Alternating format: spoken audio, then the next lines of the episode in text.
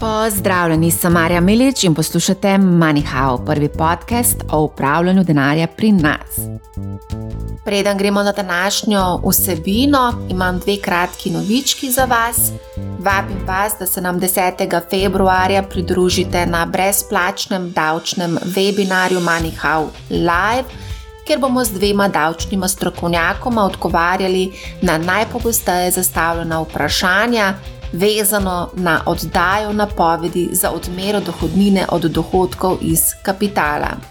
Napoved je potrebno oddati do 28. februarja. Za prijavo na webinar obiščite businessspace.com za vihek delavnice. Povezavo pa objavim tudi v opisu epizode. Še ena novica. Kot sem že omenila, Manihao poslušajo pretežno moški poslušalci in smo jih zelo veseli. Želeli pa bi si, da bi tudi ženske postale bolj aktivne pri upravljanju svojega denarja. Zato smo se za ustvarjalko podcasta In Bed, Klaro Leben, odločili pripraviti finančno delavnico za ženske z naslovom Finančno močna. V živo se bomo družili 17. februarja ob 17. uri. Klara v podkastu odpira zelo zanimive teme, predvsem ženske teme. Bila sem tudi dvakrat njena gostja, kjer smo debatirali o tem, kako si s finančnim zaledjem zagotovimo možnost svobodnega sprejemanja življenjskih odločitev in kako upravljati denar v partnerskem odnosu. Skratka, če menite, da bi vsebina koristila vaši boljši polovici, sestri, sestrični, teti, mami, prijateljici, sosedi, ji prosim posredujte povezavo, ki jo najdete prav tako v opisu te epizode. Zapomnite si, močni smo toliko, kot je močan najšipkejši člen v naši verigi oziroma družini. Na delavnici pa bomo razbijali mite in dali konkretne predloge, kako se lotiti vrčevanja za različne vrčevalne cilje ob različni nagnjenosti k tveganju. Kotizacija za delavnico je 24,4 evre, s pridobljenimi sredstvi pa bomo še naprej gradili ekosistem neodvisnega finančnega znanja, MoneyHow in businessspace.com. Za vlagatelje, ki vlagamo dolgoročno, torej za obdobje 10 let, 20 let, 30 let, je pomembno, da zgodaj ulovimo zanimive naložbene priložnosti. Zato bomo danes govorili o megatrendih in o potrošniku prihodnosti. Z menoj je Denis Mancevič, nekdani diplomat v Moskvi, rojen Kijevčan, plavalec, MBA-jevec, doktor družboslovnih in humanističnih znanosti, magistr mednarodne poslovne ekonomije, bil pa je tudi izvršni direktor proizvajalca jekla v slovenski industriji jekla, zdaj je direktor in partner v podjetju Herman and Partneri.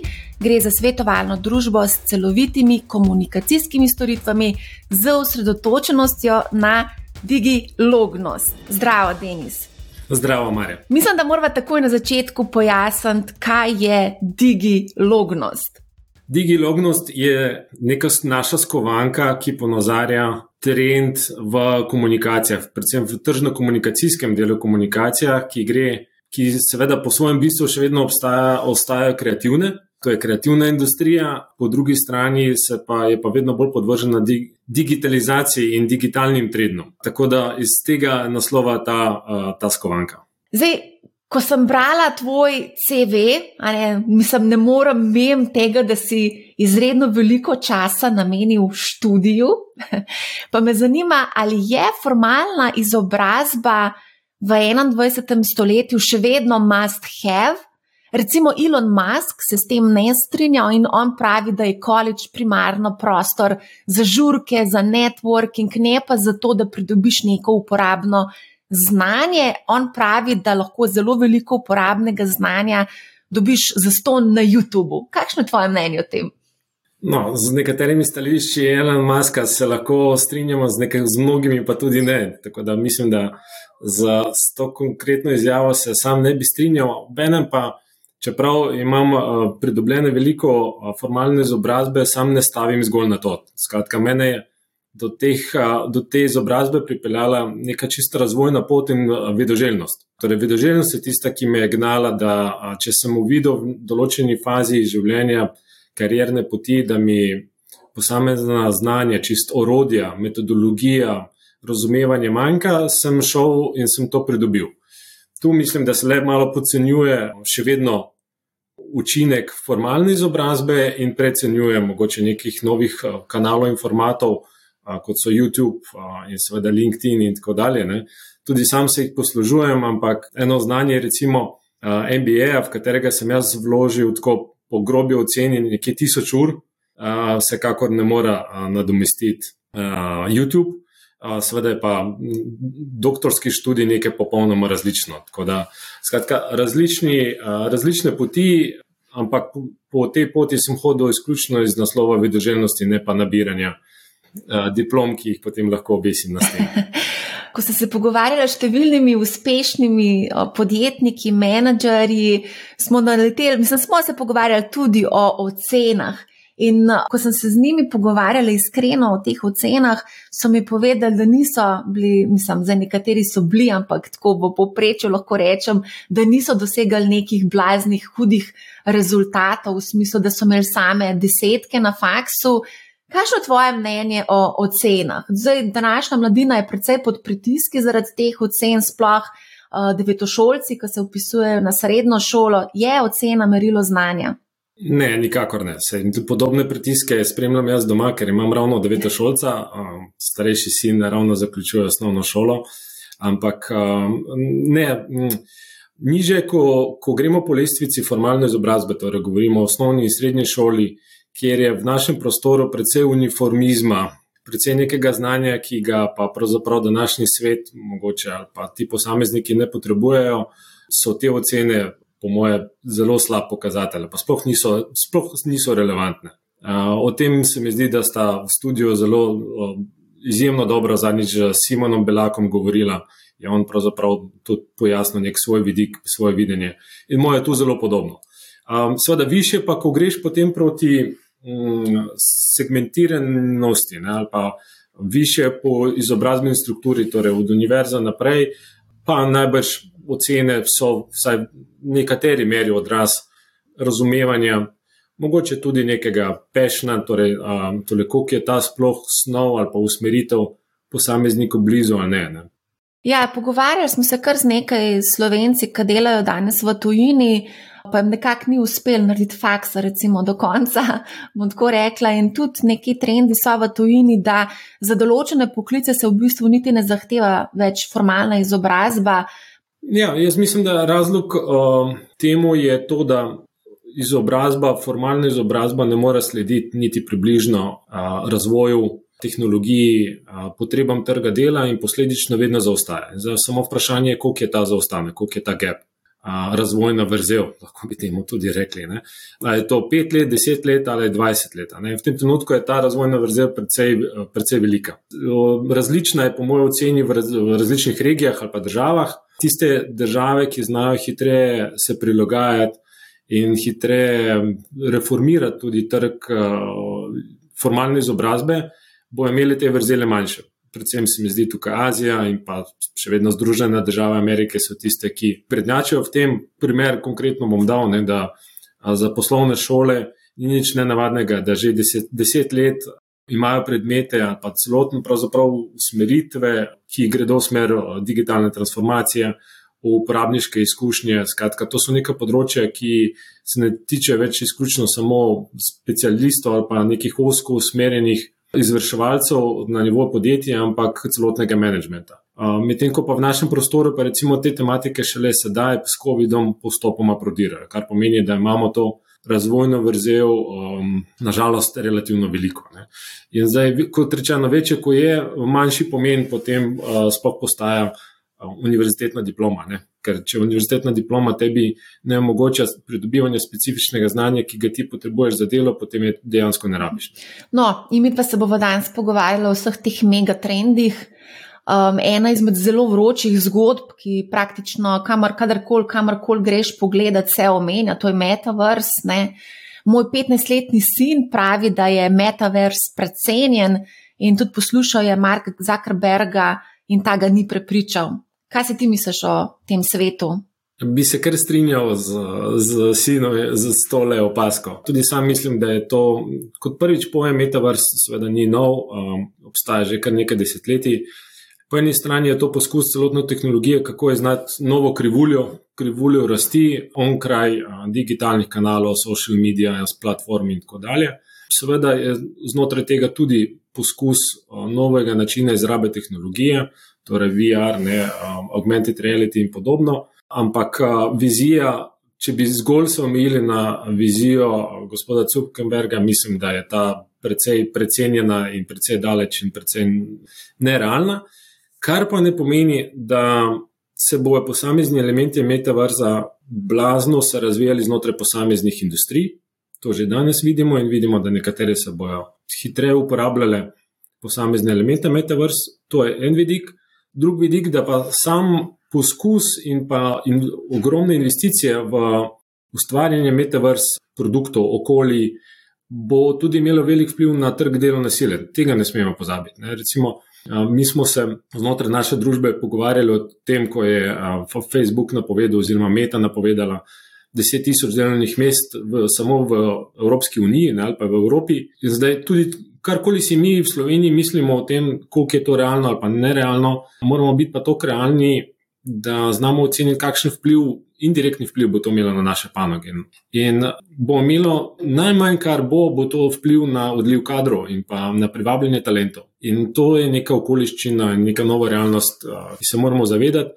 In to se tiče tako, vem, agencij, seveda v prvi vrsti podjetij, ki delujejo v IKT panogi, ampak po drugi strani tudi večjih poslovnih sistemov, od Mercator, Petrola in tako dalje, ki so vedno bolj digitalizirani in vedno bolj potrebujejo pul talentov z tega področja in bojo tekmovali tudi s takimi igralci, kot je, kot je Meta ali pa Facebook, zaradi takih napovedi. Mislim, da imajo že zdaj delodajalci resen, resen problem dobiti kakovostne kadre, imamo rekordno nizko brezposelnost.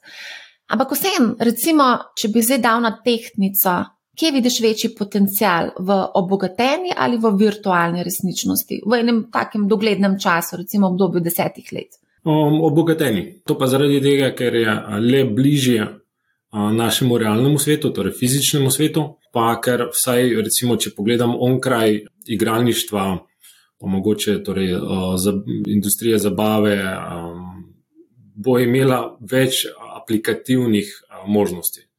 Torej, že danes recimo, se posamezne to vrstne rešitve uporabljajo tudi v industriji, in uh, skratka, širina uh, uporabnosti, samo ocenjujem, da bo večja v uh, obogateni resničnosti, kot pa v klasičnem uh, VR-ju. Zdaj, ti si športnik, plavalec, ne? zdaj rekreativci so tekačne, če sem prav prebrala. Pa me zanima, kakšno je tvoje mnenje o VR športu? Nekateri pravijo, da je to naslednja res vroča, vroča zgodba, da je to pač prihodnost. Tu bi spet bil bolj zadržan uh, do tega, prav v uh, aplikacijah, kar se športa tiče. Uh, dejstvo je, da moramo mogoče tudi take napovedi gledati, glede na kontekst. In kontekst je, ki ga živimo v zadnjih dveh letih, je pač COVID kontekst. Ne? In seveda, enkrat, ko, ko smo v tem družbenem mehurčku, izolacijah, um, prepovedi stikov, karantenah in tako dalje, posledično se zelo hitro začnejo rojevati neki substituti. Ne? In iz tega pride do tega substituta VR v športu. Ampak mislim, da je ta kratkoročen in podvržen, kot, kot rečeno, tem okoliščinam. Enem pa verjamem, da in tudi kaz, mnogi kazalci kažejo na to, ne, da pa VR v gamingu, recimo, ker seveda ni nič novega, ampak so zmožnosti še bistveno večje, nekaj, kar je trend in kar bo, kar bo ostalo. Ne in uh, najbrž še kako tako panogo bi se dalo najti, ki je bila podvržena hitrejšemu razvoju v času COVID-a, ampak bojo tudi ti trendi ostali. Ne? Torej, recimo, če povzamem, kar se tiče športa, sem precej zadržan, obenem pa mislim, da VR poleg gaminga je recimo ena taka panoga, ki se bo blazno na ta račun razvijala, je pa izobraževanje. Izobraževanje in celoten sklop ki se okrog izobraževanja, torej tudi mehke veščine, onboarding uh, zaposlenih, konstantno učenje in pridobivanje novih, novih znanj, Torej, ne samo ta formalna, ampak tudi izobraževanje znotraj podjetij se bo na ta račun precej spremenilo, ker pravzaprav omogoča uh, bistveno večjo fleksibilnost uh, z, z manjšimi stroški, omogoča uh, scalability. No? In uh, tako da nekaj od teh trendov uh, na področju VR-ja se bo ohranilo, nekatere pa mislim, da so bolj podvrženi tem zunanjim okoliščinam, kot je COVID. Ko menjaš te okoliščine aktualne, bi mogoče izpostavila samo en zanimiv primer, um, ki mi je kolega pred kratkim razlagal.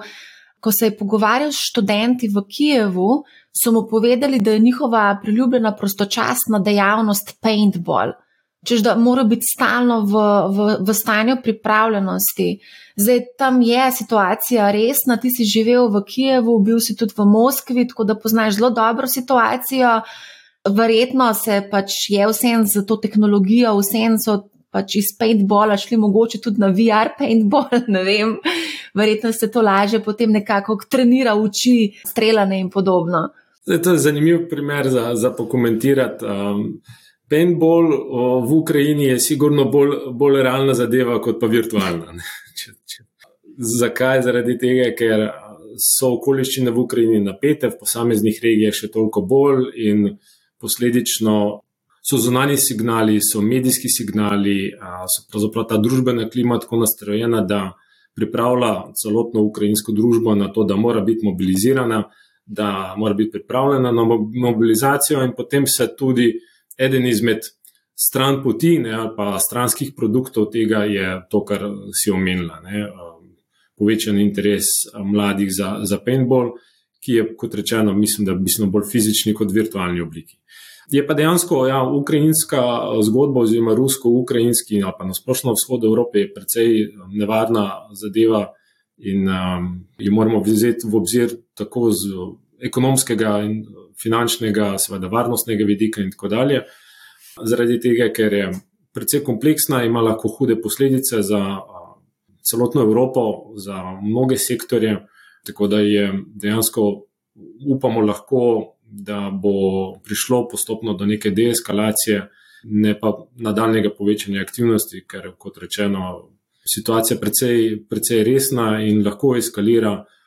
Tudi mimo nekih namenov ali pa nekih strategij, vele sil, o katerih se govori, veliko se govori o tem, kaj, si, kaj ima Putin v glavi ne, in kaj si zamislil. Po drugi strani pa vidimo primere iz zgodovine, kjer pravzaprav ob um, napetostih, ki so, je dovolj že en strel, ne? je dovolj že ena provokacija. In uh, v tem trenutku se moramo teh predvsem, predvsem bati, ker lahko zelo hitro podrejo že tako danes, že napeto situacijo. Se pred časom smo se pogovarjali s Tim Umbergerjem, on je upravljalec iz uh, pač v robne trge, investira, uh, živi pa v Moskvi že zelo, zelo dolgo časa, od leta 2008. On pravi, da v bistvu se nekako v medijih nekako povečuje zgodba in da v Moskvi nekako ne verjamejo, da bi dejansko lahko prišlo do tega fizičnega obračunavanja, do strelov. Ja, podobno je v Kijevu, pravzaprav. to je zelo zanimivo. Torej, da v zadnjih dneh, v zadnjih tednih, um, po eni strani mi živimo v Sloveniji ali pa v tem zahodnem delu Evrope, slišimo veliko uh, negativnih zgodb, in dejansko je veliko priložnosti tudi za to. Skratka, so neke okoliščine, zakaj se to dogaja. Po drugi strani pa v Moskvi, pa tudi v Kijevu, ne, same oblasti precej mirijo prebivalstvo, da naj ne podlegajo tej histeriji. Tako da ta zgodba ima več obrazov, ima izjemno veliko nekih stranskih igralcev. Um, ni samo enodimenzionalna ali pa dvodimenzionalna, torej tukaj je od ozemeljskih teženj do politike, varnostnih vprašanj, seveda širše gledano geopolitike med eh, ZDA in Rusijo. In uh, vse to se je zdaj pač nakopičilo v obmejah, na, itak, na neko podlago zgodovinskega konflikta. In um, kot rečeno, upamo na to, da bo na koncu le razum prevladal in da do širšega oboroženega konflikta med Rusijo in Ukrajino, kaj šele potem zvezo NATO, ne bo prišlo, ker to bo res imelo izjemno hude posledice za celotno Evropo, tudi za Rusijo. Ne? Mislim, da Rusija dolgoročno nima kaj pridobiti od enega takega konflikta, niti ekonomsko, ne, niti politično. Ja, v bistvu vse te, vsa ta geopolitična trenja, poleg seveda politike centralnih bank, ne, to zelo, zelo, zelo vpliva na dogajanje na trgu. Ne vem, kako spremljaš borzo, tečajnice so se kar pošteno eh, stresle, ne samo borzne, ampak tudi kripto, tako da eden od razlogov za dogajanje na borzi je tudi v bistvu te konflikti, ki smo jim priča, Rusija, Ukrajina, Kitajska, Tajvan, um, Amerika, Rusija, skratka, velike nekih trenj trenutno na svetu in ne vemo, kam, bo, kam bomo prišli. Ne? Ja, tukaj en zanimiv primer bi rad navedel, ki sicer zelo ostaje pod radarjem, ampak po drugi strani blazno vpliva na, na energetsko situacijo, no, vsaj v enem delu. Ne. In sicer vemo, da je tri leta nazaj eskaliral konflikt med uh, takrat še Trumpovo administracijo in Kitajsko, ki je povlekel za sabo tudi, da so se posamezne države postavile tudi na stran Združenih držav, recimo tak primer tudi Avstralija. Ne. In potem se je kaj zgodilo? Zaradi tega, ker je um, Avstralija sprejela določene ukrepe proti Kitajski, se je Kitajska naenkrat odločila, da iz Avstralije ne bo uvažala premoga. Zdaj, ta novica, mislim, da sploh ni prišla do slovenskih medijev. Ampak ima pa svoje mesto v energetskem mozaiku in v tem, kar se dogaja v energetski krizi, ne? kar meni bi nas moglo zanimati. Zakaj? Zaradi tega, ker naenkrat ugotovimo, da Kitajska okrog 20 odstotkov svojih potreb je pokrivala z uvozom premoga iz Avstralije. Predstavljate si, kaj to pomeni Kitajska, ki je drugo največje svetovno gospodarstvo, ostane brez 20 odstotkov uvoza. Torej, naenkrat začne panično iskati v regiji ta premog, ker zač, torej, to je en, in ga začne iskati v Rusiji, v Ukrajini in tako dalje. In kot drugič začne kuriti kot blazna a, plin, ker je edini lahko substitut kratkoročno. In potem čez dva, tri mesece, čez pol leta se mi začnejo spraševati, zakaj začnejo cene plina med drugim tudi rasti in kaj se dogaja na energetskih trgih. Absolutno je to poenostavljeno, da je to nek vzrok. Ma pa kot rečeno, to svoje mesto v tem mozaiku. Ne? To vrstni disbalansi, to vrstna geopolitična tveganja so tukaj prisotna in bojo, po mojem oceni, še kar naprej prisotna, zaradi tega, ker eh, nas čaka neko tako obdobje zelo nemirno iskanje pozicioniranja Kitajske proti Združenim državam Amerike, Evropske unije v tem kontekstu. Tako da do takih treningov bo prihajalo, in potem, kot rečeno, ta povzročijo, imajo precej učinek, ne dolgega repa, ki se kaže na večjih, na večjih vidikih. Torej, potem samo primanjka še kakšen COVID in pa po eni strani zmanjšanje popraševanja, po drugi strani pa hitro okrevanje, in naenkrat imamo težave z logistiko, z dobavnimi verigami, z dvigom cen energije, in to je med sabo pač prepleteno. Tako da živimo v izjemno prepletenem, kompleksnem svetu ker kot rečeno, neka odločitev Kitajske proti Avstraliji ima tudi vpliv na nas, čeprav sploh nismo aktivni udeleženec tega in sploh tega ne zaznamo. To je najbolj problematično. Ja, o tem smo dejansko govorili na Manihau, tudi ne, o Avstraliji in Kitajski in dogajanju. Um, Matej Šraškovič, ki je odličen poznavalec Kitajske, nam je v bistvu zelo veliko stvari razkril o Kitajcih in pa o njihovih odnosih. Tako da ja, Kitajci zelo hitro reagirajo, če jim kaj ni všeč. Ne. Avstralija je želela, da se je pridružila tudi drugim državam, ker so želeli želeli v bistvu, da se razišče zadeva v, v Wuhanu, kaj se tam dogaja. Tako da potem so Kitajci malo zamerali, pa so pa rekli, čisto poenostavljeno, ne bomo več uvažali premoga. Mi v Evropi smo se pa začeli sprašvati, ali bomo imeli božič ali ga nam imeli. Zaradi tega, ker so se tovarne ustavljene. Ja, ja, ja. Je pa Kitajska vse tudi recimo, zanimiva z vidika te zelene transformacije. Veliko se je začel potem tudi govoriti, ker zdaj ne bi kar Kitajska ratala zelena vele sila. Uh, tudi zelo veliko gradijo hidroelektrarne. Uh, tako da, kaj si pa misliš recimo o tem? Ne? Ker tudi zelo veliko je govora, tudi v Evropi, v Nemčiji, recimo o zeleni transformaciji. V Sloveniji smo tudi rekli, da bomo ukinili premog oziroma proizvodnjo elektrike iz premoga do leta 2033, se mi zdi, v Nemčiji so še bolj ambiciozni do leta 2030. Kaj si misliš o tem? Ne, to, to je sigurno en izmed megatrendov, ki bo, ki bo ostal, uh, ki niti ni povezan toliko z posameznim državo, tudi ni toliko povezano z gibanjem Greta ali nasplošno, ampak različne države imajo tukaj različne dinamike in eh, ponekod se to dogaja hitreje, ponekod pač počasneje, ampak definitivno je nek to trend, ki bo ostal. Tu je zanimivo primerjati, kako so se tega lotili po eni strani Nemčija, po drugi strani pa vem, Kitajska ali pa Združene države Amerike. Ne. Torej, Združene države Amerike so blazno odvisne od politik na, na nivoju posameznih zvezdnih držav in tukaj vemo, da recimo Kalifornija naredila izjemno veliko, že deset let praktično nazaj. Ne. Po drugi strani je pa eh, Kitajska v kaj prisiljena.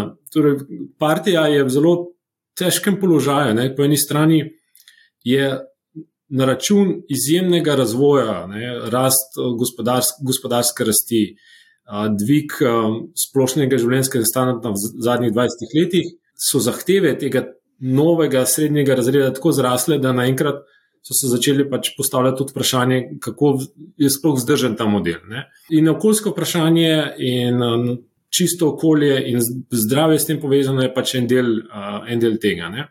Tako da mora tukaj ukrepati, po drugi strani morajo paziti na to, da je gospodarstvo še vedno konkurenčno, ker ne še vedno uh, svet temelji na kitajskem izvozu. Ne?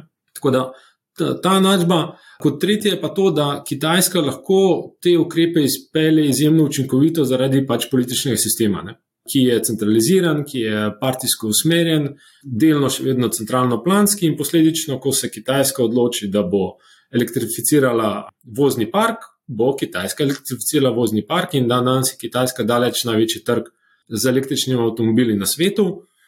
Medtem ko pa mi v Evropi, kaj vidimo, ne capljamo. Ne? Norveška je pač ima čist svoj model in čisto svoje okoliščine, ki omogočajo hitrejšo elektrifikacijo, ampak niti ni del Evropske unije. Ostale države so pa ravno tukaj v krču med tem, kako ta prehod narediti hitrejši, brez da bi bodi si prevelike stroške nosili, nosilo gospodarstvo ali potrošniki ali pa javne finance. In tukaj vsak išče nek svoj, svoje mesto pod soncem. Mislim pa, da tudi z vedika investicij v. Ne bom niti rekel, tukaj se veliko pojmov meša. No. Dogaja se nam, da ven koš mečemo trajnost, zeleno energijo, krožno gospodarstvo, tam imamo najraje, pa še marsikaj drugega. Jaz mislim pa, da tukaj moramo biti mi malo bolj previdni. Zakaj? Primer jeklarske industrije, kjer sem deloval, je sama po sebi najbolj krožno naravnana industrija, kar je lahko. Zaradi tega, ker je to industrija recikliranja, ali pa vsaj ta, ta jeklarski del, ki je v Sloveniji. Zato, ker jeklo nastaja iz recikliranja starega, starega železa in dodajanja nekih kovin še zraven. Skratka, če bi gledali skroz z vidika krožnega gospodarstva, je to super, ampak obenem je ta industrija pokurila ogromno energentov, prvi vrsti električne energije in zemljskega plina. Pri električni energiji se treba vprašati, odkje pride ta električna energija. Ne? V Sloveniji je še vedno tretjina iz premoga. Ne? Po drugi strani je okoljsko naravnanost je izjemno širok pojem in zajema več vidikov. Zelena energetska transformacija je pa, po mojem, tisto z vidika investiranja najbolj jasno v tem trenutku, kaj bi to lahko bilo. In pravzaprav, ker so potrebe po novih tehnologijah za shranjevanje energije, električne energije, za bolj učinkovito rabo, je popraševanje potem je izjemno in tukaj bojo nove rešitve nastajale. Že danes nastaja, ampak ključen problem shranjevanja električne energije še danes pravzaprav ni rešen. In, uh, tako da na to bi predvsem, predvsem stavil. V bistvu govorimo tukaj o ESG-ju, ne, se pravi Environmental, Social and Governance. O tem smo tudi govorili Silvo Deželan, ki se v bistvu s trajnostnim investiranjem ukvarja že, mislim, da več kot 10, skoraj 15 let. To je zelo vroča tema in vsi želijo biti na tem vlaku, in tukaj se dejansko ESG balon že kar nekaj časa napihuje. Pravila pa vsem tukaj niso povsem jasna in vsak v bistvu nekako postavlja neke svoje ESG pravila, če sem čisto iskrena. S komarkoli smo se pogovarjali do zdaj, pa da recimo so neki institucionalni investitorji, imajo neka svoja, svoja pravila, pravila, ki niso mogoče enaka drugim, a ne se pravi, da ni nekih standardov. Ja, to zaradi tega, ker jaz mislim, da dokler mi gledamo skozi oči ESG-ja, je je to nek regulatorno okolje, ki se novo vzpostavlja, ki se bo v nekem trenutku čisto standardiziralo, v tem trenutku pa še ni. In uh, je to normalno, pravzaprav z vidika evolucije poslovanja kot takega. Se tudi revidiranje poslovanja ni bilo vedno regulirano. Do tega smo tudi prišli skozi, skozi desetletja uh, in pa neke dobre, dobre prakse. Podobno, uh, podobno bo tukaj, da se bo, po mojem oceni, v, vem, v naslednjih desetletjih, ali bo to eno ali dveh desetletjih, spostavil nek mednarodni standard, podobno kot je to pri finančno-računovodskih standardih, in ne bi bojo mogla podjetja spoštovati, in na tak način se bo oblikoval preprosto nov trg storitev in pa novo zakonodajno okolje. Se pravi, tukaj je vseeno lahko rečemo, da je tudi to eden od megatrendov.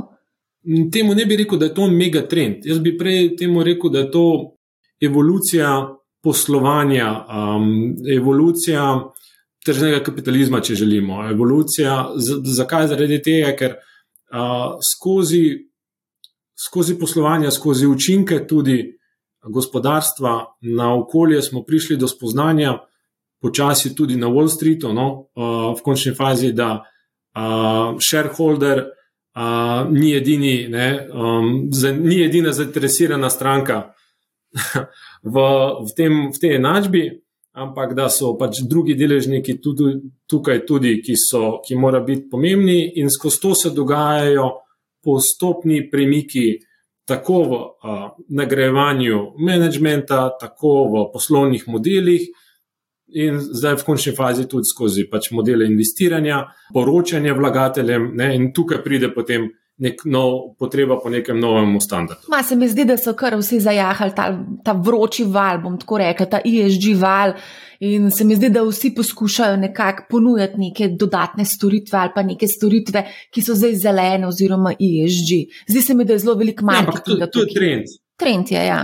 Ja, ja, ja, tako, tako, tako. tako tukaj, so, absolutno je to pač nek trend, kako je s trendi. Ne? Če nisi v trendu, potem si, uh, potem si izven, kar pomeni, vsi želijo biti uh, v trendu. Ampak hočem to povedati, ne, da po mojem oceni ta potreba pravzaprav izhaja iz nekega evolucije poslovnega sveta. Preprosto, no? Da naenkrat, recimo, vlagatelji javnih družb vidijo, da bo imeli problem, če njihove družbe ne bodo izpolnjevali teh pa teh standardov. Ne? In kot rečeno, v, po, recimo, že na Enronu, če se spomnimo, ne, so bile luknje v finančno-računovodskih standardih, ki so omogočile razne mahinacije. Ne? In se potem te luknje pač bolj ali manj uspešno zakrpajo. Ne? In podobno je tukaj. Ne? Torej, vidimo, da so neke, so neke potrebe, v prvi vrsti začnejo opozarjati na njih. Ne, vlagatelji, ki nočejo biti črne ovce, ki nočejo investirati v v neke družbe, ki mogoče dodatno po nepotrebnem obremenjujejo okolje. In postopno se okrog tega začne vrteti pač celoten nek storitveni sektor. Ne. Pač nastaja nova, no, nov storitveni sektor, ki, kot rečeno, po mojem oceni, bo v nekem trenutku postal podobno standardiziran, kot je, um, kot je revidiranje pa finančno-računovodski standard. A gremo mogoče se vrniti nazaj na gamifikacijo Se mi zdi, da to je ena taka tema, o kateri zelo rada govorim, ker se mi zdi, da, uh, mi zdi, da naši mladi živijo zmer bolj v teh igricah, pa tudi samo investiranje se vse bolj gamificira. Se mi zdi, da je vedno treba, spoh te mlajše, vedno animirati. In to, da letijo konfeti po zraku, je v bistvu neka animacija, da je stimulans stimulira človeka, dobro si naredil, pravilno si naredil, gremo s mhm. konfeti po zraku. Mhm. Nič narobe s tem, ne? ampak se mi zdi, da vseeno se mi zdi, da se veliko stvari poskuša gamificirati, ne samo investiranje, ampak tudi druge stvari. Zakaj je temu tako? Jaz mislim, da je to v prvi vrsti povezano z digitalizacijo in z internetom, in potem vse, kar je internet v tej naši današnji obliki omogočil. Torej, z razmahom družbenih omrežij je prišlo do tega, da je, so impulzi postali časovno še krajši, možgani potrebujejo toliko več spodbud na dan, da preprosto zadovoljijo svojo potrebo. Ne, to je mehanizem klasičnih družbenih omrežij, ki jih, ki jih uporabljajo. In seveda podobno potem se dogaja z, z drugimi družbenimi vidiki življenja, ki na, skozi ta način gamifikacije poskušajo obdržati naš, našo pozornost čim dlje. Ne. Bolj intenzivni kot so ti signali, lažje se to da doseči. Tako da pred internetom to ni bilo mogoče preprosto. Ne. Uh, sedaj, ko pa mi pravzaprav vsakdo ima že po pametno napravo in je XY krat na dan pogleda, posledično ti elementi od notifikacijov, gamifikacije začnejo vdirati tudi v druga, druge dejavnosti ali pa v druge polja. Ne. Izvira pa vse iz interneta in prenaša to potrebo možganov po konstantnem impulzu in pa zadovoljevanju, zadovoljevanju potreb. A bova rekla, da je to mega trend? Mogoče je mega, mislim, mogoče je gamifikacija pod trend znotraj temu, če moramo reči, digitalizacija kot taka. No, ne. Ja, nedvomno. Ampak jaz bi to rekel, to je enkrat, ko smo dobili družbeno mrežo v današnji obliki, je to čist organska, spet neka evolucija. Ne? Kako od lajkov priti do nečesa še več, a, do bombonov, ki letijo ne? in tako dalje. Skratka, znotraj splošnega trenda družbenih omrežij in pa kar je omogoča, seveda, v prvi vrsti internet, je to neka naslednja stopnja. Um, zdaj, vi ste strokovnjak za komunikacije. Pa me zanima, kakšen se vam zdi nasplošno ta naložbeni slovar, ki se je izoblikoval med vlagatelji, predvsem na Redditu. Tam najdemo kar nekaj takih eh, zanimivih izrazov, celo žaljivih izrazov, ne, recimo mhm. ape, autist, pa recimo degenerate. Tako da se mi zdi, da je šlo to en korak. Uh, Naprej ali pa nazaj, ne vem, kako bi temu sploh rekla. Včasih zna biti ta komunikacija zelo žaljiva, Ja, jaz to povezujem z demokratizacijo, pa mogoče še bolj decentralizacijo, ki se dogaja na več nivojih družbenega življenja in tudi na področju vlaganja. Ne, in enkrat, ko to postane pojem, da se tudi vlagatelji med sabo povezujejo na platformah, družbenih omrežjih na decentraliziran način, potem pač ustvarijo nek svoj slogovni svet, ne, svoj, svoj, svoj kodeks, ki ne podlega klasičnim pravilom borze ali pa Wall Streeta ali pa javni komunikacije. Ne. Je bližje pravzaprav družbeno mreže. Torej, ko enkrat dobimo po eni strani družbeno mreže, po drugi strani pa mikroinvesticije, potem se to dvoje skupaj zloži. Ne. In ker se dogaja ta komunikacija, kot rečeno, na, na, novih, na novih kanalih, ne podlega nobenih, nobenim normam, ki so bile spostavljene v preteklosti. Tako da, glede na to, da ta komunikacija poteka po teh kanalih, ta agresivnost, ne, ali kako bi rekel, ne, na meji a, spremljivega, ni presenetljiva. Predstavlja pa to veliki izziv za podjetja, kako pravzaprav se priključiti tej komunikaciji. Ker je povsem zanemariti ne bo mogoče, ne, se delati tako, da ne obstaja. Ampak tukaj s tem se srečujejo tudi znamke, vem, že, že kar nekaj let, ne, in zdaj mogoče prihaja ta val tudi z vidika čist pritiskov na, na božne indekse. Kaj pa recimo vse bolj je prisoten ta trend experience sharing, ker se v bistvu ljudje med sabo delijo svoje izkušnje, to zdaj videvamo tudi v svetu investiranja, recimo Wall Street Bets, na Redditu pa Eagle Investor, zelo močan na Discordu, tudi konc koncev mi na Manihau imamo svoj Discord uh, kanal, hm. tisočih uporabnikov, ki se med sabo delijo izkušnje. A je to prihodnost na tak način, v bistvu, da se bomo delili izkušnje? Ja, jaz mislim, da ja. Z, zakaj? Zaradi tega, ker je to, po mojem oceni, povezano z enim megatrendom in to je zaupanje, oziroma izgubo zaupanja. Kaj, kaj ti to, da se vlagatelji na tak način povezujejo in delijo izkušnje, izhaja zato, ker so prejšnje referenčne točke zaupanja, torej bodi si družbe, javne družbe kot take, bodi si borza, bodi si neki uradni analitiki, izgubili našo, kot institucije, izgubili našo zaupanje. Ne, zaupanje potrošnikov, zaupanje vlagateljev. In enkrat, ko je to zaupanje izgubljeno, je seveda vsak posameznik išče sedrično točko, torej na kaj se, na kaj se obrniti. Ne. Eno je, da ima neko lastno izkustvo, ampak nam je vsem imanentno, da iščemo potrditev tega lastnega izkustva. Ne. In sedaj spet v kombinaciji z novimi kanali, z družbenimi omrežji, nam to omogoča. Torej, po eni strani, da se povezujemo in potrjujemo lastno izkušnjo, ker rabimo ta proof of concept uh -huh. konstantno. Če pa nam to mnenje ne ustreza, običajno hitro zapustimo. Tukaj je nevarnost, ki jaz vidim, je, da se ti pogovori večinoma odvijajo znotraj uh, nekih mehurčkov, podobno mislečih si ljudi, in se hitro spregleda, ali obstaja še svet z druge plati. Ne, vidi, posledice tega so seveda lahko zelo nevarne, kar vidimo recimo v ICO-maniji, v kriptosvetu, kjer pravzaprav potem spet možgani in pa naši mehanizmi delujejo tako, da uh, slišimo potrditev, nočemo zamuditi tega vlaka, ne, uh, ne slišimo pa nekih opozorilnih znakov. Izvira pa to zaradi tega, ker borzam, institucionalnim upravljalcem premoženja, vladam sploh, ne, preprosto ne zaupamo več. Ne, govorim seveda v širšem kontekstu, tako v Sloveniji, kot, kot tudi globalno. In uh, zdaj se oblikuje neke, neke te nove sedrične točke, ne, komu pa zaupati. Ne, in posledično potem pride do tega povezovanja, ki je pa danes zelo enostavno. Predstavljamo si svet 20 let nazaj, kjer tudi če je bilo veliko takih, ki imajo neko delijo izkušnjo nezaupanja do borze ali pa do javnih delniških družb, kje bi si oni lahko iskali to potrditev svojega stališča. Najbrž ne bi šli pred borzo, ne fizično s plakati iskati uh, sorodno misleče ljudi. Ne.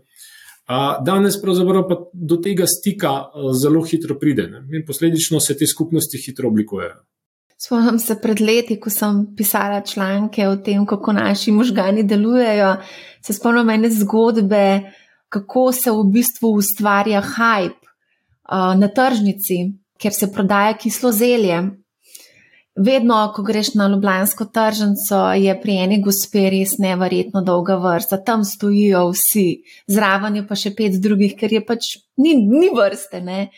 In so potem pač rekli, da se pač postavi v vrsto par ljudi, samo zato, da stojijo tam statisti in ustvarjajo ta hype. Tam, ker so ljudje, je kao dobra roba.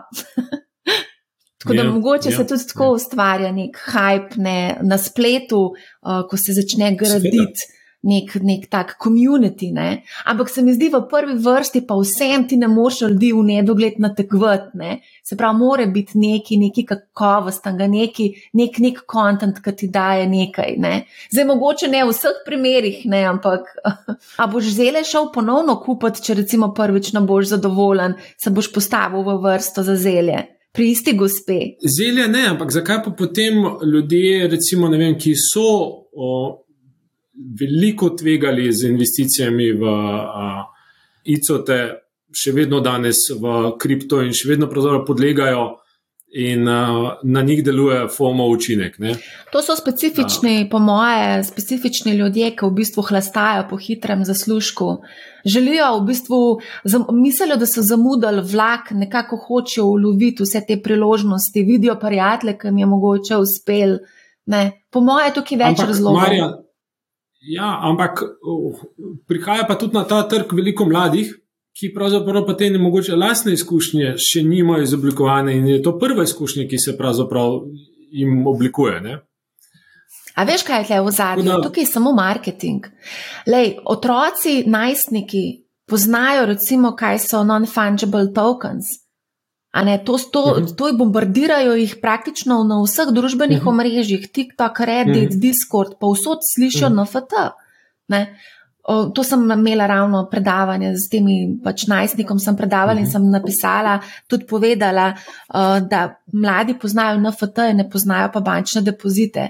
Naprimer, uh -huh. A veš, zato ker bančni depozit ni seksi, na foto je veliko bolj seksi, spoh če je kakšna še znana zvezda, ki bo izdala svoj na foto. Mhm.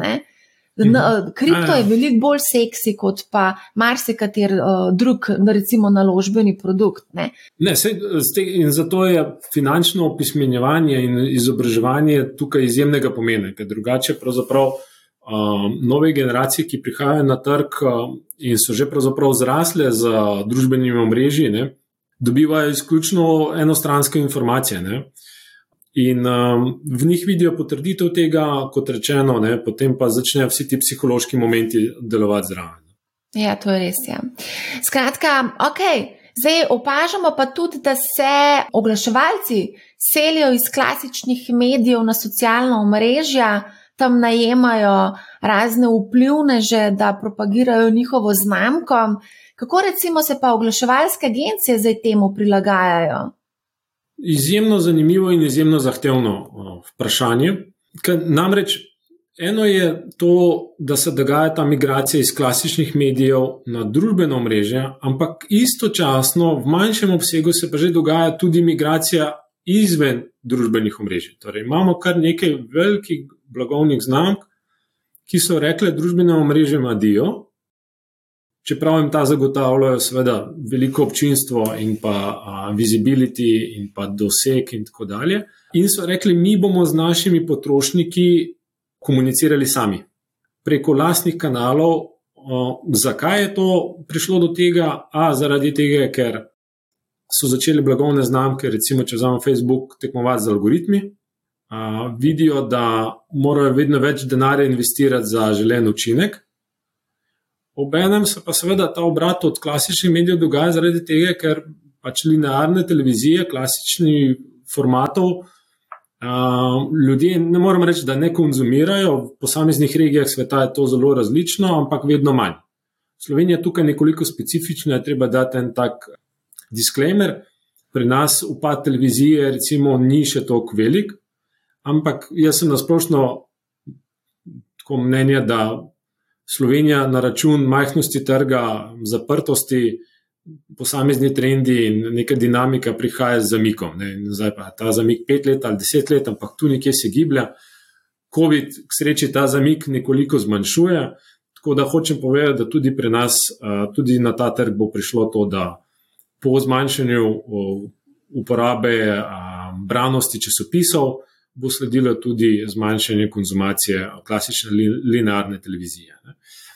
Tako da, ja, dvo, dvojna migracija se dogaja. A, tako da mi mislimo, da vsaj za določen del znamk, predvsem za večje, ki imajo določeno kritično maso, bo rešitev v lastnih kanalih. Um, v različnih formatih, ampak to je pomembno zaradi tega, ker potem bistveno lažje kontrolirajo dinamiko, kvaliteto dvosmerne komunikacije z, z potrošnikom. To je nek trend, ki prihaja in ki bo tudi, ki bo tudi ostal, zaradi tega, ker sicer zahteva prvotno mogoče invest, precejšnje investicije, ampak na dolgi rok se kaže, da se veliki, večjim znamkam izplača, zaradi tega, ker so lahko potem učinkovitejše. Zdaj, omenil si na začetku, da se tudi vi doma ukvarjate s 15-letnikom oziroma 14-letnikom za uh, nadaljne šolanje, potem oba dva tudi dobro, tudi jaz imam 15-letnika, ki se bo ravno upisoval v prvi letnik, pa 11-letnika in mi dva oba dva dobro veva, da naši otroci ne gledajo televizije, gledajo, gledajo YouTube, TikTok, tudi sama recimo konkretno. Res ne gledam več uh, televizije, sem naročena na kar nekaj ponudnikov pretočnih vsebin. Tukaj govorimo o Netflixu, govorimo o Amazon Prime, HBO, Apple, v Slovenijo polet, mislim, da bo polet prišel tudi Disney. Tako da tukaj je tudi ena tako zelo močna konkurenca. Ja, je pa res, da moramo biti previdni, mi dva nismo klasična predstavnika poprečnega slovenca. Tako da, ja, uh, ker poprečen slovenc bo še vedno uh, konzumiral, ker precej časa še klasično televizijo, penetracija recimo uh, pretočnih vsebin ni tako pri poprečnem, ne, uh, statistično poprečnem, tako velika, kot si jo ti opisala. Torej, uh, v poprečnem gospodinstvu bo še vedno televizija vklopljena uh, proti, proti popolno zvečer. Vprašanje je, seveda, kdo s kakšno dinamiko, s kakšno kvaliteto jo spremlja, torej kakšna je uh, kvaliteta te konzumacije, ne, ampak bo ta televizija še vedno prežgana. Ampak to bo postopno pač izginilo. Zdaj, številni trgovci se tudi sprašujejo, kako v bistvu zvabiti evre od zelenicev pa milenicev. Kdaj so ti pripravljeni odpreti denarnico in kdaj ne? Odvisno, kaj je to poprečni milenec, v kateri državi, kje pa kako. Recimo, če se omejiva na Slovenijo, je tukaj že velika verjetnost, da boš bližje mlajšim, če boš znal sploh jih ustrezno nagovarjati. Torej, da boš znal komunikacijska sporočila prilagoditi tej ciljni publiki. Kar mnogi trgovci do sedaj sploh niso delali. Mogoče to spet ta konzervatizem tega trga, ampak če pogledamo na govor trgovcev pred COVID-om, recimo bolj na klasičnih kanalih, je ta bil precej standardiziran in uh, mladih sploh ni nagovarjal. In posledično, seveda, ne, ne čutijo nobene potrebe, da bi fizično stopili v trgovino ali pa da bi imeli v glavi nek predizbor, narejen za določeno, za določeno storitev ali pa določen izdelek, prav tega proizvajalca. Ne. Bolj, ko bo ta nagovor prilagojen in tukaj družbena omrežja seveda odigrajo svojo vlogo, ker omogočajo to, da si ti bistveno bolj fleksibilen pri nagovarjanju ciljne publike, bolj bojo pripravljeni zaupati znamki, se poistovetiti z njo, ker ti, ti vidiki so še vedno tukaj, to, to je ključno. Ne? Zdaj vidimo, da recimo TikTok tukaj veliko, um, veliko omogoča. Je pa res, da se in obstajajo, tudi mi imamo posamezne agencijske rešitve, in smo pravzaprav en prvih, ki smo v Sloveniji delali TikTok kampanje za eno izmed znamk. Ampak so tukaj oglaševalci še relativno zadržani. Torej, še vedno bolj kot ne uporabljajo klasične oglaševalske kanale, čeprav novi kanali omogočajo večjo segmentacijo in bolj prilagojen nagovor. Ampak, če gledamo pa globalno, ker govorimo o mega trendih, to je vse ena generacija, ki bo podedovala ogromno premoženja in oni bodo drugače upravljali z denarjem, bistveno bolj drugače kot naši starši. No? Recimo, bom, bom povedal za, za Rusijo, pa za Kitajsko. Recimo, na Kitajskem je še vedno velik boom uh, nepremičnin, cene nepremičnin blazno rastejo, kljub temu, da je občutek, da je že trg prenapihnjen, o tem smo veliko poslušali v zadnjih mesecih. Ampak recimo, v, sploh v večjih središčih, torej niti ne govorimo o Šanghaju ali Pekingu, ampak že o takih desetmilijonskih mestih, kot je Shenzhen, gredo cen nepremičnin v, v nebo in tudi mlada generacija, ki si je ustvarjala nekaj kapitala, investira precej še vedno v nepremičnine, zaradi tega, ker najbrž tudi verjame, da, bojo, da bo to nek vzdržni, vzdržni model, da bojo cene rasle. Drug, drug pa tak segment so luksuzne dobrine. Zakaj? Ker so te generacije še odraščale v obdobju, ko so njihovi starši živeli v pomanjkanju in zato je tukaj tudi v Rusiji recimo tudi podobno. Torej, trg luksuznih dobrin v teh dveh državah je med najbolj dobičkonosnimi na svetu. Govorimo tako o luksuznih avtomobilih, prestižnih eh, znamkah, eh, ur in, in še cele palete, vse, kar, vse, kar zraven pride. Da, zato so vsekakor tudi te nove, mlajše generacije pripravljene odpreti denarnico, zato ker A. Še vedno to velja kot nek statusni simbol, B, ker naredi še večjo razliko med tem, v kakih okoliščinah eh, so odraščali sami ali pa njihovi starši in kak, pač kaj njim omogoča današnje, današnji svet. Zdaj, ko omenjaš avtomobile, pa nekaj smo že prej povedali o avtomobilih, ne? nekako gre v smeri, da mladi ne želijo biti lastniki avtomobilov. Je to tudi eden od trendov, da se bo avtomobilska panoga verjetno prilagajala? Ja, sigurno. Avtomobilska panoga ja, že danes ne pričakuje rasti takšnih, takšnih številk rasti, kot jih je imela v preteklosti ker je pravzaprav bil standard, ne, eden, dva, dva avtomobila na družino, ne, po možnosti. Zdaj, tukaj je več, več silnic, naenkrat se, se združi v zadnjih letih, ne, ki potem oblikuje ta trend. Eno je elektrifikacija in pa mobilnost, drugo je ta okoljski vidik, in tretje je postopno ozaveščanje, da utilizacija nekega takega sredstva, kot je osebni avto, je preprosto tako nizka, da zakaj bi, zakaj bi to imel. Ne, torej, uh, ne postaja to več tok statusni simbol, in če že obstaja neka alternativa, kar se z car sharingom in z, z drugimi elementi ne, že pojavlja, potem bo hitro preskočil. Vprašanje je, kako hitro se bo ta alternativa pojavila. Bom dal primer. V Ljubljani jaz tudi sem sam koristnik car sharinga, z veseljem uporabljam, je super izkušnja, nimam težav.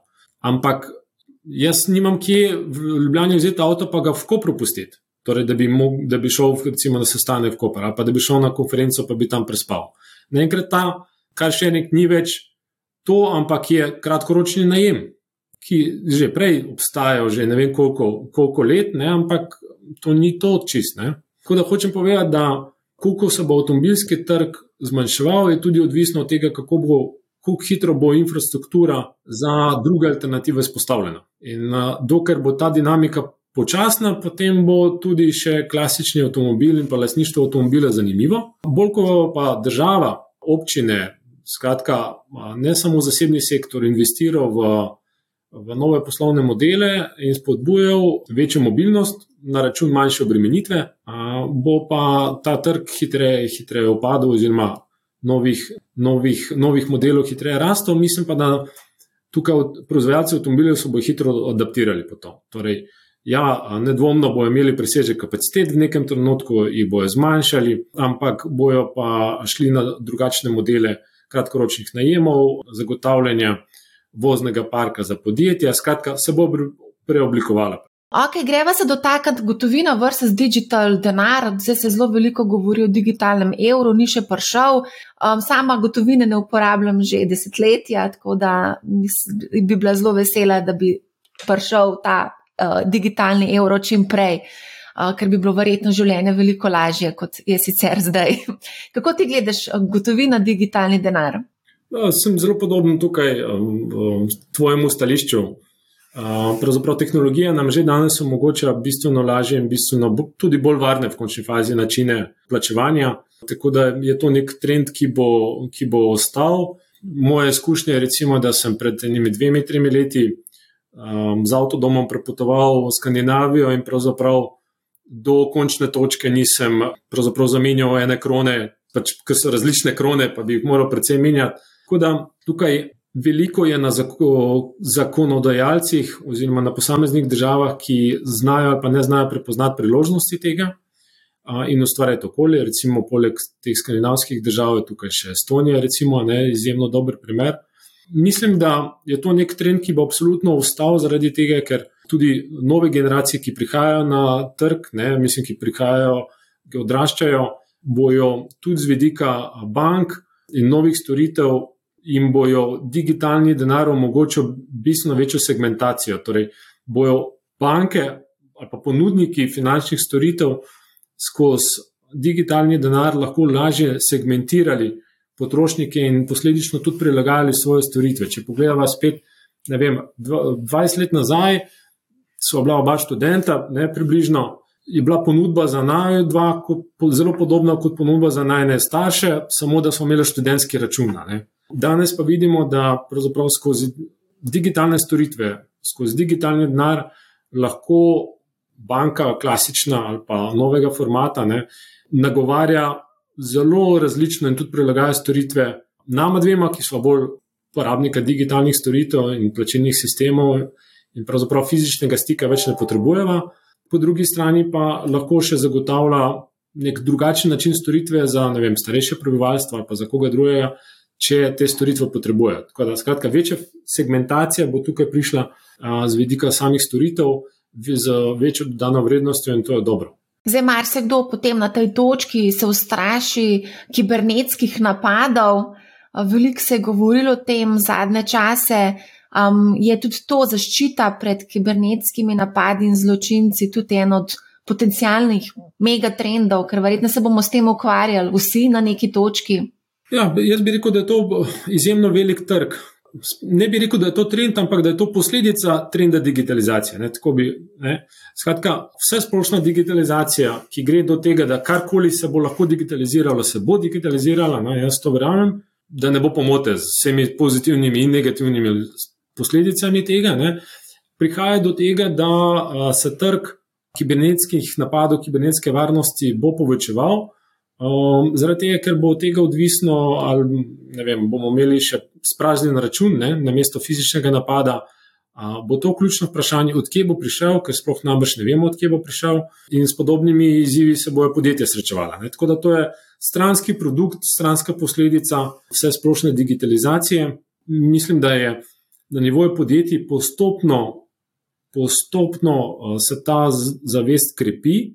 Veliko je bilo govora še deset let nazaj o, o digitalni špionaži, ne, ampak tukaj pa govorimo o nečem čist, čisto še drugem. Ne. Potrošniki pa malo zaostajajo. Tukaj pogrešam večjo vlogo a, države, regulatorjev, ki bi pravzaprav so tisti poklicani, ki bi mogli a, več, več investirati v trg v zaveščenosti na, na, na tem področju. No? Ker a, priložnosti bo tukaj enkrat, ko je naše življenje, kot rečeno, digitalizirano skozi a, digitalno. A, ne govorim, ni tukaj problem samo plačilni sistemi, ne? ampak a, do e-volitev, do upravljanja z e-storitvami, v končni fazi do a, zdravstvenih datotek. Ne?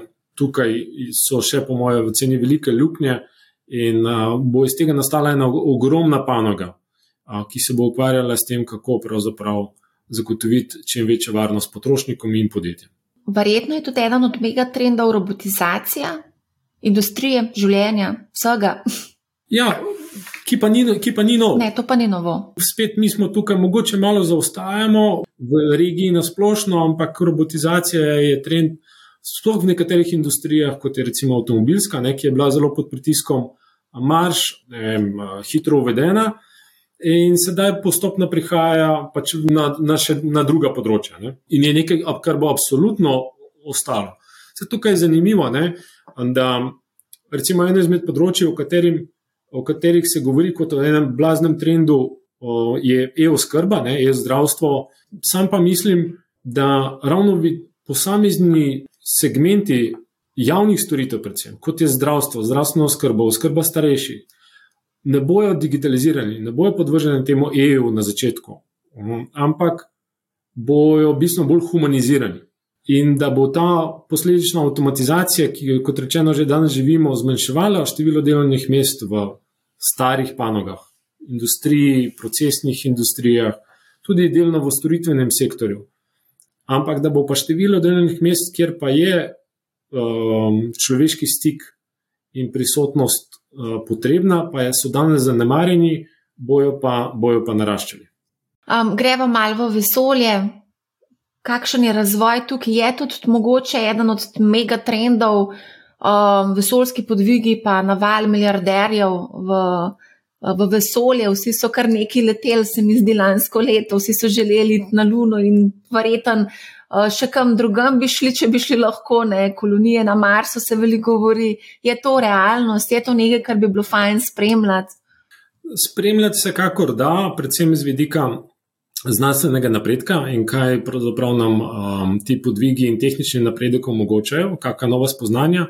Mislim pa, da je to daleč od enega megatrenda, mega ampak je bolj uh, dober marketing z veliko državnega denarja. No? Pozablja se tukaj na to, da tudi zasebni zdaj uh, igralci, ki nastopajo, saj recimo Elon Musk je tak, je podprt z izjemno velikim državnim denarjem, ki pa pač v nekem trenutku rekel, na mesto, da razvijamo uh, svoj Apollo program, bomo podprli, bomo razpršili, pa bomo podprli program še nekoga drugega.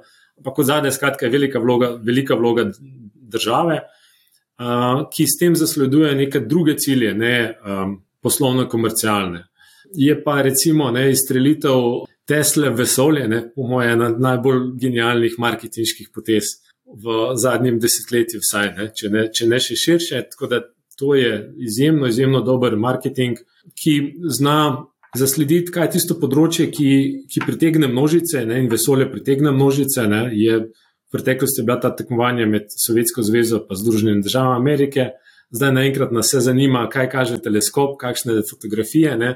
Vsekakor govorimo o izjemno veliki industriji kot taki, da bi pa zdaj iz tega raziskovanja vesolja, razumevanja še vedno vesolja, ki je, kot rečeno, še vedno primat državnih subjektov in pa zasebnih podprtih z državnim denarjem, še daleč od tega, da bi se pogovarjali o kolonijah ali pa da bi, nek, da bi neka decentralizacija tega procesa se bo zgodila. Skratka, komercialni poleti so možni za milijonerje lahko jih izkusite. Večinoma so pa itek povezani z vstopom v nižje orbite in občutkom težno, ne, brez težnosti, kar je bilo tudi v preteklosti že tehnološko dostopno, samo ni bilo skomercializirano. No, mislim, da je Elon Musk. Kar en tak marketinški guru, zdaj po ta novem omogoča tudi plačevanje Tesla z Dogecoinom.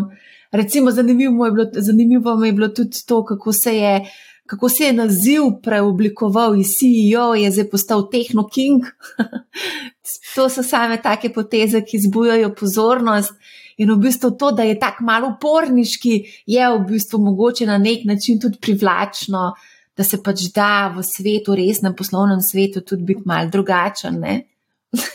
ja, sigurno je tukaj on unikatni z vidika pojavnosti. Torej, ne, če v poprečju neka predstava o tem, kaj je uspešen poslovnež, bila še 10-20 let nazaj, ne, da je to nek uh, človek v kravati. Dobro, že Steve Jobs je to začel razbijati nekoliko, ne, pa Elon Musk šel pač tukaj še kar nekaj stopničk više in spet neko.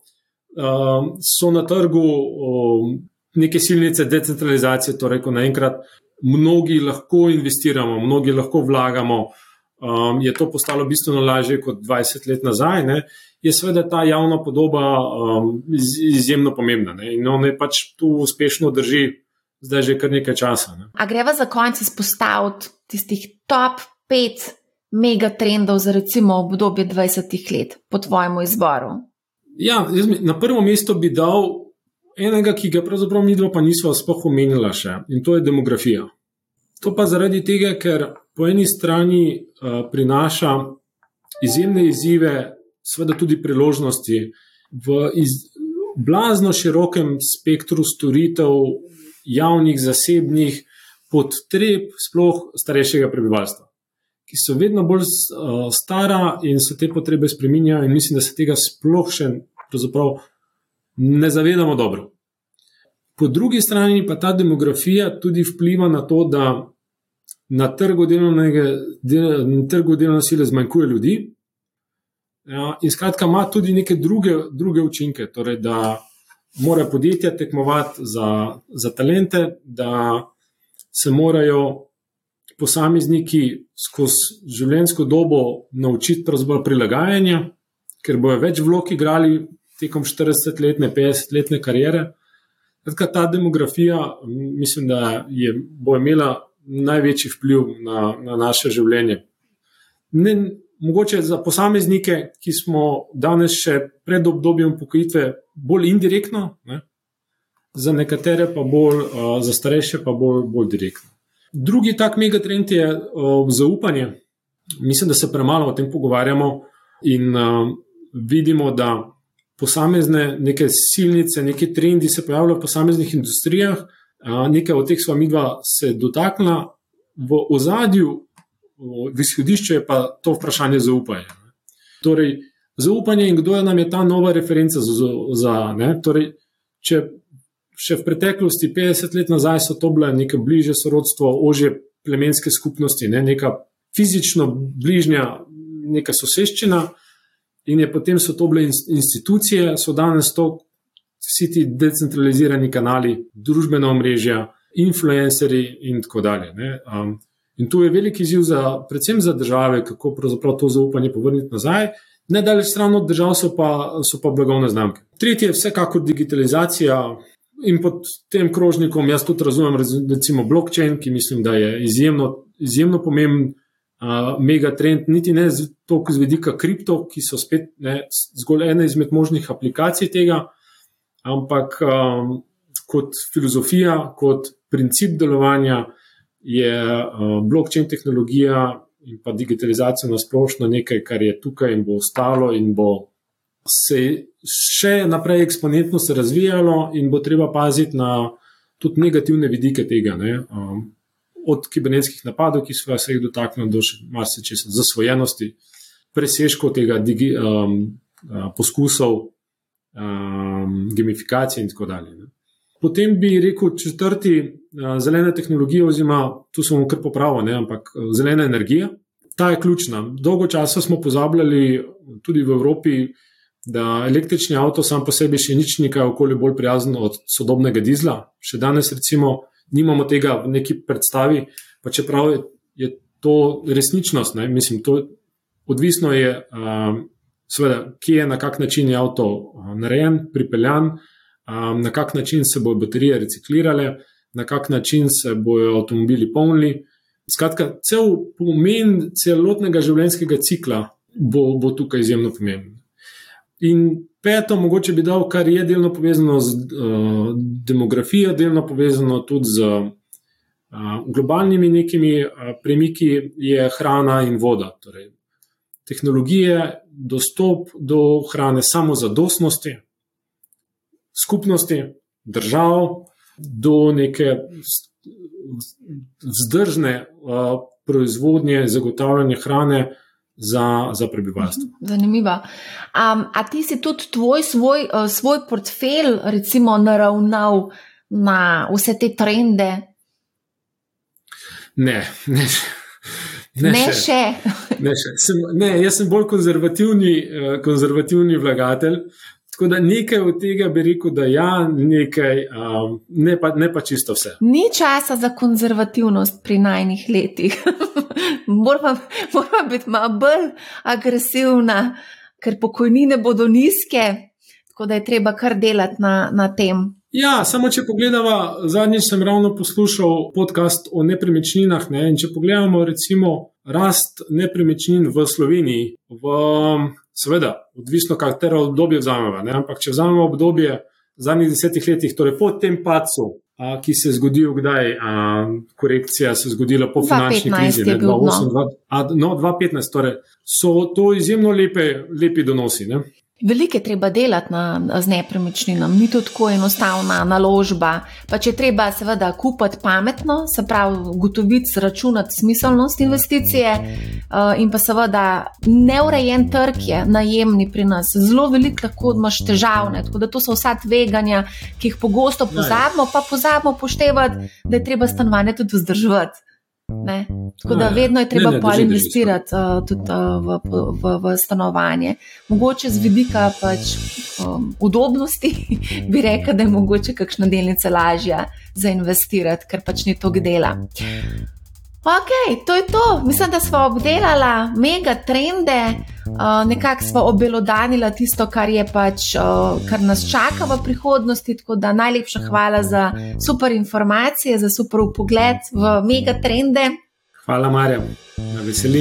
Evo, dragi poslušalci, gledalci, ne pozabite na MoneyHow Live, ki se bo zgodil 10. februarja. Pogovarjali se bomo v živo z dvema davčnima svetovalcema o davkih in o daji davčne napovedi. Sliši se mogoče dolgočasno, ampak obljubim, ne bo dolgočasno. Pridružite se nam, povezavo do prijavnice objavim v opisu epizode. Eh, ta webinar je pa seveda brezplačen. Če imate kakršno koli vprašanje, mi pišite na Marja na businesspace.com. Poslušajte Manihau, ne bo vam žal in lep pozdrav!